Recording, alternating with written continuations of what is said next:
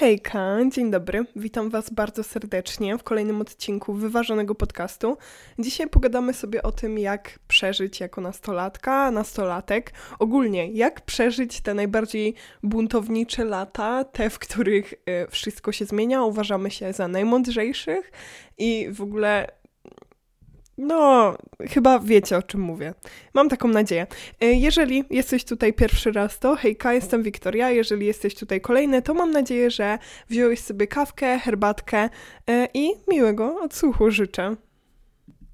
Ogólnie wiecie, rocznikowo jestem przed dwudziestką, więc e, jeszcze tą nastolatką jestem, ale mam wrażenie, że ten bunt już przeszłam, że on był gdzieś tam w wieku 14-16. U mnie ciężko też to określić, mam wrażenie, bo nie przeszłam takiego typowego buntu.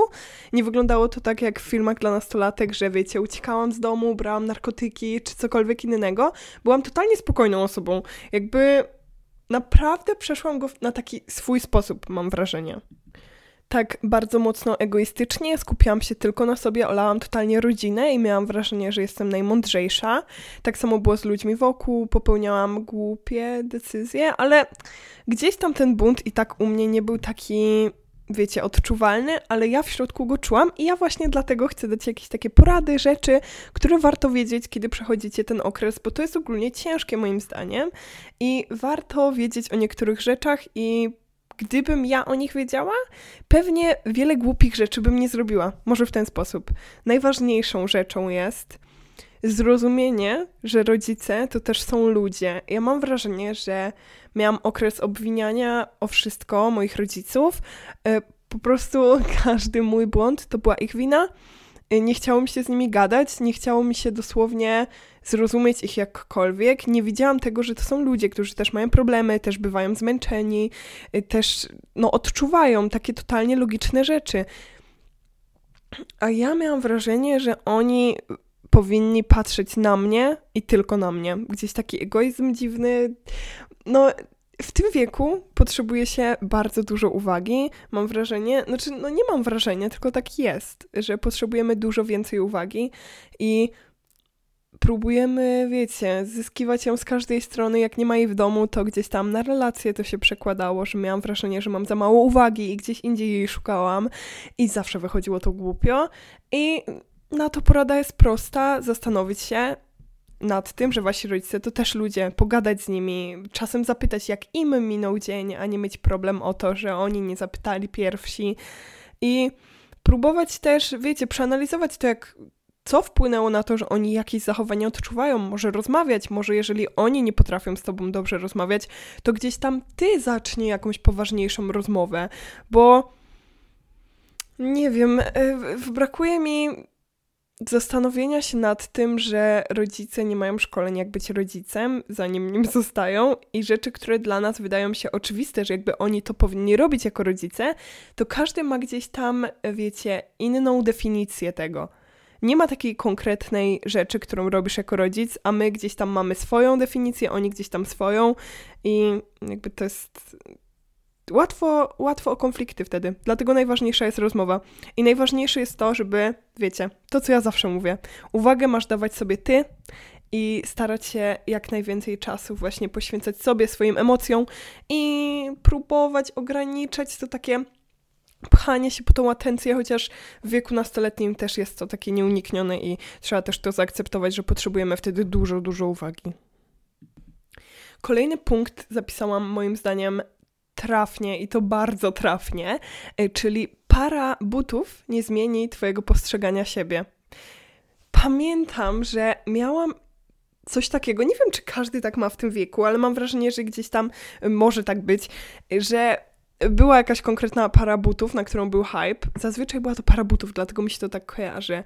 E, nie wiem, e, Nike Air, Boże, jakie to były Nike? Czekajcie, muszę się skupić o Nike Air Maxy mi chodzi, te takie podstawowe, pamiętacie? Takie kolorowe i każdy je miał i w ogóle mi się wtedy wydawało, że jak ja będę mieć te buty, to ja zacznę siebie akceptować, polubię siebie, w ogóle zacznę na siebie lepiej patrzeć, jak będę się ubierać modnie mm, i nie wiem, mam wrażenie, że w tym wieku bardzo się podąża za tą modą i ma się wrażenie, że naprawdę to zmienia nasze postrzeganie, a to chodzi głównie o to, że w tym wieku mamy bardzo skrzywione to takie patrzenie na siebie, mamy bardzo dużo kompleksów, zmienia się też nasze ciało, więc nie nadążamy z akceptacją dla niego i trzeba pracować nad tym, nad akceptacją nad sobą, a nie myśleć, że kolejna rzecz materialna może to zmienić, bo ja właśnie wtedy kupowałam pełno kosmetyków, y, ciuchów i wydawało mi się, że to coś zmieni i jakby zawsze mi było za mało i to pchało mnie tylko do jakiegoś zakupoholizmu i konsumpcjonizmu, a nie do akceptacji. I to brało się z trzeciego punktu, o którym chcę powiedzieć, czyli twoi rówieśnicy, którzy są, nie wiem, popularniejsi, bogatsi, ładniejsi, albo przynajmniej z, z, takie wrażenie sprawiają, o, w ten sposób, nie są twoimi autorytetami, nie są to ludzie, których wartościami chcesz się kierować, nie chcesz skończyć tak jak oni za kilka lat, bo wyjdziesz z tej podstawówki, ja jeszcze chodziłam do gimnazjum, ale wyjdziesz z tej podstawówki zmienicie szkoły, gdzieś tam to liceum, to już jest taka poważniejsza sprawa, ale skończycie to liceum i okaże się, że ci ludzie cały czas są w tym samym miejscu i nie wiesz dlaczego za, nim, za nimi podążałeś, nie wiesz dlaczego tak bardzo wydawało ci się, że chcesz być jak oni. Naprawdę, skup się na sobie w tym wieku i naucz się tego, że autorytetów szukaj gdzieś dalej, gdzieś u ludzi, którzy naprawdę coś zrobili, naprawdę coś z sobą reprezentują, a nie ludzi, którzy wydają ci się fajnie, bo innym też się wydają. To jest takie, wiecie, nawet nie wiemy, dlaczego ta osoba popularna w szkole jest tą osobą popularną w szkole. Nawet nie wiemy, kiedy to się wydarzyło, ale każdy ma do niej jakiś respekt, każdy chce się z nią kolegować, jak się z nią kolegujesz, to jesteś fajny i nie wiadomo nigdy, jak oni zyskali ten swój autorytet społeczny. Ale no, najważniejsze, w tym wieku od razu zdać sobie sprawę, że nie chcesz być jak ci ludzie, bo to jest w ogóle zbędne. I są ważniejsze rzeczy. I skup się na sobie, na zabawie. Kolejna rzecz to jest na pewno to, co mówiłam już w dwóch odcinkach o szkole, czyli szkoła to nie jest tylko miejsce do nauki, to jest miejsce do poznawania ludzi, poznawania siebie, uczenia się organizacji i to wszystko. Y, nie będę rozwijać tego tematu, bo mam dwa odcinki o szkole, do których Was zachęcam do odsłuchania, jeżeli y, gdzieś tam do tej szkoły y, chodzicie. Wejdźmy na kwestię y, kraszy. Ja pamiętam, że jak chodziłam do szkoły, to potrafiłam mieć nowego krasza co minutę. Bo jednak gdzieś otaczasz się tymi ludźmi, jesteście z różnych środowisk, w różnym wieku i faktycznie często masz na radarze, że tak powiem, jakiegoś chłopaka, dziewczynę. Jakby ja czasami mówię skrótowo, jakby tego słuchały same dziewczyny, przez to, że ja jestem dziewczyną. Więc jeżeli powiem w formie kobiecej, a jesteś mężczyzną, to cię bardzo przepraszam, po prostu nie umiem wyjść z tego nawyku, ale staram się y, zauważać ten mój błąd. Y, a jeżeli jesteś chłopakiem, to buziaczki i nie czuj się odrzucony, bo wiem, że chłopcy też mnie słuchają i się mega cieszę, jakby super. Y, dalej idąc, podobali mi się często jacyś chłopcy i nie zagadywałam ogólnie myślałam, że to będzie koniec świata, jak zagadam, że jeżeli on mnie odrzuci, to on utwierdzi mnie w tym przekonaniu tych wszystkich moich kompleksów. Czyli, że on na pewno widział to, że, nie pod, że mam nie taki nos, nie krzywe nogi, coś tam, bla, bla, bla. I wydawało mi się, że to mnie tylko w tym utwierdzi i wtedy w ogóle przestanę wychodzić z domu. Ale tak naprawdę, jak ja bym do niego zagadała i on by mnie odrzucił, to czy mój wygląd wtedy by się zmienił? Wiecie o co chodzi? Dobra, uświadomiłoby mnie to w czymś, ale jakby w czym? To, że ja się komuś nie podobam, to nie znaczy, że nagle staje się brzydsza. I to, co chcę powiedzieć, to, że w tym wieku jest idealny czas, żeby być odważnym, żeby zagadywać do ludzi, żeby poznawać ludzi, bo później będzie tylko ciężej. Serio. Później już nie ma takich miejsc do poznawania się, no w klubach, ale też gdzieś bardziej to niewinne wszystko jest. W klubach, no chodzi mi, że wiecie, na wyjściach towarzyskich. To był skrót myślowy. Nawet nie chodzę do klubów. Ale po prostu zdaj sobie sprawę z tego, że za dwa miesiące nie będziesz pamiętać, nawet jak ta osoba cię odrzuci. Nie możesz nie robić czegoś, bo przez strach przed porażką, o, przez strach przed porażką. I, I serio warto jakby nie podchodzić do tego tak poważnie. Też w tym wieku pewnie nie szukasz męża, albo jak cię odrzuci, to nie zostajesz od razu samotną panną albo samotnym panem. Y, tylko próbuj. Śmiało jakby idealny wiek, idealny czas i mega warto. I czasami w ogóle z tego rodzą się też takie relacje przyjacielskie, nigdy nie wiesz, co przyniesie życie i może kiedyś to by była wasza śmieszna anegdota, nawet jakby wam nie wyszło. Prawo jazdy czyli temat ulubiony w liceum. E, kończycie to 18 lat, każdy zaczyna robić prawo jazdy, a co jeżeli ty tego nie czujesz? Po prostu tego nie rób. Ja czułam tak ogromną presję społeczną. Co chwilę ktoś mnie pytał: A zrobiłaś prawo jazdy? A zapisałaś się na kurs? Kiedy robisz prawo jazdy? O, ktoś tam już zrobił, ktoś już ma tam auto, coś tam, bla, bla, bla. I po prostu już mi głowa pękała, a ja czułam wewnątrz siebie, że ja nie jestem gotowa, że to będzie jakby ktoś dziecko wpuścił za kierownicę, który nie chce i rodzice go tam wysłali. Czułam, że jakby nauka do matury, podcast, praca, to wszystko to jest za dużo, żeby dodać do tego jeszcze prawo jazdy. Prawo jazdy robię dopiero teraz, mam już prawie 20 lat i jest to idealny moment, bo czuję, że chcę to robić, czuję, że się nie poddaję i czuję, że wiecie, mam na to czas i chęci. Wtedy, jakbym sobie jeszcze dodała to prawo jazdy, to gdzieś bym wybuchła i przekaz jest taki, że nie musisz robić tego, co każdy robi w tym czasie, co każdy wymaga. Nic to nie zmienia w Twoim życiu. Yy, za kilka lat to nie będzie miało znaczenia, kto kiedy zrobił to prawo jazdy, a najważniejsze będzie Twoje zdrowie psychiczne i to, jak Ty się z tym czujesz. I jeżeli ty już w tym wieku nastoletnim zaczniesz, wiecie, tak trenować tą swoją asertywność, to podążanie swoimi ścieżkami, tą drogę za intuicją, to w życiu ci to wyjdzie tylko na plus. Rób rzeczy te, które czujesz, a nie te, które czujesz, że inni chcą, żebyś robił. Mm, hormony, gniew, y, ogólnie. Dla dziewczyn będzie osobny odcinek w temacie hormonów, okresu, tabu. Y, na Instagrama dodam okienko, w którym będę was, was prosić o pytania, bo ja w ogóle jestem osobą, która jest. Ja powinnam być chodzącym banerem o tym, żeby przestać robić z okresu tabu i z tego, że dziewczyny wtedy są emocjonalne i że jest cały ten okres. Ej, w ogóle mam inny głos troszkę, bo coś mnie chyba łapie. Że jest cały ten okres, w którym jesteśmy wrażliwsze przez ten okres i jakie to jest w ogóle, że ludzie. Ach.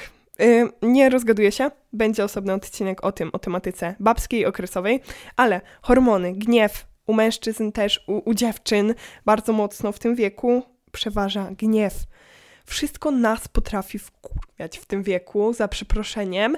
Y, potrafimy być tak nerwowi, że sami nie potrafimy nad sobą zapanować i to jest najbardziej gówniane, co może być.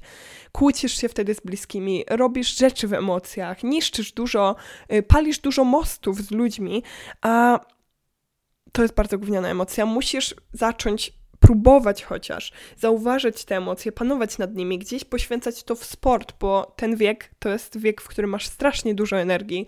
I jeżeli ty jej w coś nie w- włożysz, w jakieś hobby, w sport, w cokolwiek, to ona będzie szła w gniew i gniew dużo psuje, bardzo dużo psuje.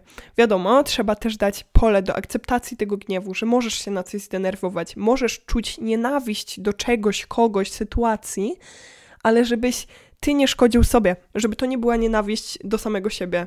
Taka autonienawiść po prostu psująca dużo dróg w życiu, bo gniew naprawdę potrafi być zaślepiający. Czasami lepiej dać sobie chwilę, zastanowić się nad emocją, zastanowić się, czy decyzja, którą chcesz podjąć, jest świadoma, czy to jest takie emocjonalna chwila poniesienia, której będziesz zaraz żałował, bo w tym wieku podejmuje się okropnie dużo decyzji, których się żałuje i od tego nie chcę was odwodzić, bo moim zdaniem to dużo uczy. Ważne jest, żeby popełnie, po, podejmować te głupie decyzje, te nagłe decyzje, też to jest ważne, ale te decyzje w gniewie lepiej by było troszkę wiecie, próbować przynajmniej opanowywać, bo źle się to kończy dla nas i dla naszego zdrowia, i dla naszych relacji. No, w skrócie gniew jest y, słaby. słaby. Y, kolejnym punktem jest praca w wakacje. Ostatnio dużo nad tym myślałam, bo gdzieś tam wyświetlił mi się TikTok. Często w ogóle wspominam, wyświetlił mi się TikTok. TikTok powinien sponsorować ten podcast, przysięgam. Y, wyświetlił mi się TikTok o tym, że jeżeli możesz, to nie pracuj w ogóle, póki cię rodzice utrzymują i ty się uczysz, bo w ten sposób y, jakby poświęcasz, wiecie, czas na coś bardziej terminowego niż trochę pieniędzy, nie próbuj się usamodzielniać. Ja uważam, że to jest totalna bzdura, że jeżeli rodzice dają ci pieniądze i możesz się wtedy uczyć, nie musisz się wyprowadzać, to jest niesamowity dar, to jest piękne i dziękuję rodzicom, że masz takie możliwości, bo nie każdy ma i, i to jest super. Jeżeli nie masz takich możliwości, to jakby dalej możesz się uczyć i do czego ja teraz dążę? Chodzi mi o to, że warto pracować w wakacje, nawet jak rodzice dają ci pieniądze, nie masz z tym problemu, utrzymują cię i wszystko, ale żeby uczyć się tego wartości pieniądza, tej organizacji pracy, tego czym jest praca, bo obcowania z ludźmi, poznawania innych ludzi, innych środowisk. Ja w ogóle dopiero w pracach wakacyjnych uświadomiłam sobie, że z, ze starszymi ode mnie ludźmi mogę gadać jak z ziomkami i może być mega fajnie. I takie wiecie, uciekanie od pracy na rzecz tylko nauki jest też głupie. Moim zdaniem powinien być między tym jakiś balans, żeby próbować tej pracy nawet ucząc się, że nawet jak studiujesz dziennie, to, że możesz mieć jakąś pracę na weekend i nie umrzesz z tego powodu, bo potrafisz równie dużo czasu poświęcać na melanżowanie, a z pracy naprawdę dużo da się wyciągnąć. I takie myślenie, że póki mnie rodzice utrzymują, to w ogóle nic nie będę robił, e, wiecie, nie będę w ogóle zdobywał pieniędzy. No nie wiem, dla mnie dużo traci po prostu taka osoba z takim myśleniem. I wiecie, mi nie chodzi o taką pracę na etat pełen, tylko jesteś w liceum i na wakacje taką pracę, dajmy na to trzy razy w tygodniu, uczysz się lepszej organizacji, uczysz się, wiecie, zdobywania czasu dla tych znajomych, nie latasz też za nimi, nie masz tej nudy, y, nie rozleniwisz się i poznasz wiele ludzi, zarobisz trochę pieniążków i zrozumiesz trochę ich wartość. I po, poznasz coś ciekawego, super doświadczenia. W ogóle każda opcja zdobywania jakichś doświadczeń jest świetna i moim zdaniem totalnie warto, nawet jak masz tych pieniędzy pod dostatkiem. Podsumowując te kilka rad, chciałabym zrobić dwa takie odcinki, więc już na tych e, 20 gdzieś tam staram się, żeby te odcinki miały z 20 minut mniej więcej. E, Podsumowując, bycie nastolatkiem jest ciężkie, jest też super, ale najważniejsze, co trzeba robić w tym wieku, to zdobywać doświadczenia i łapać się ich wszędzie, wychodzić ze swojej strefy komfortu i po prostu robić rzeczy i też w tym wieku uczyć się, bo. Yy, Nauka to jest gdzieś tam przywilej i zawsze warto o niej tak myśleć, że jest przywilejem. Ja Wam bardzo dziękuję za przesłuchanie tego odcinka. Mam nadzieję, że wpadniecie na mojego Instagrama i że cokolwiek z niego wynieśliście. Yy, no i co? Buziaczki. Dziękuję Wam bardzo. To już drugi odcinek w 2023. Oby dobra pasa szła dalej i obym miała czas na robienie tego jeszcze więcej.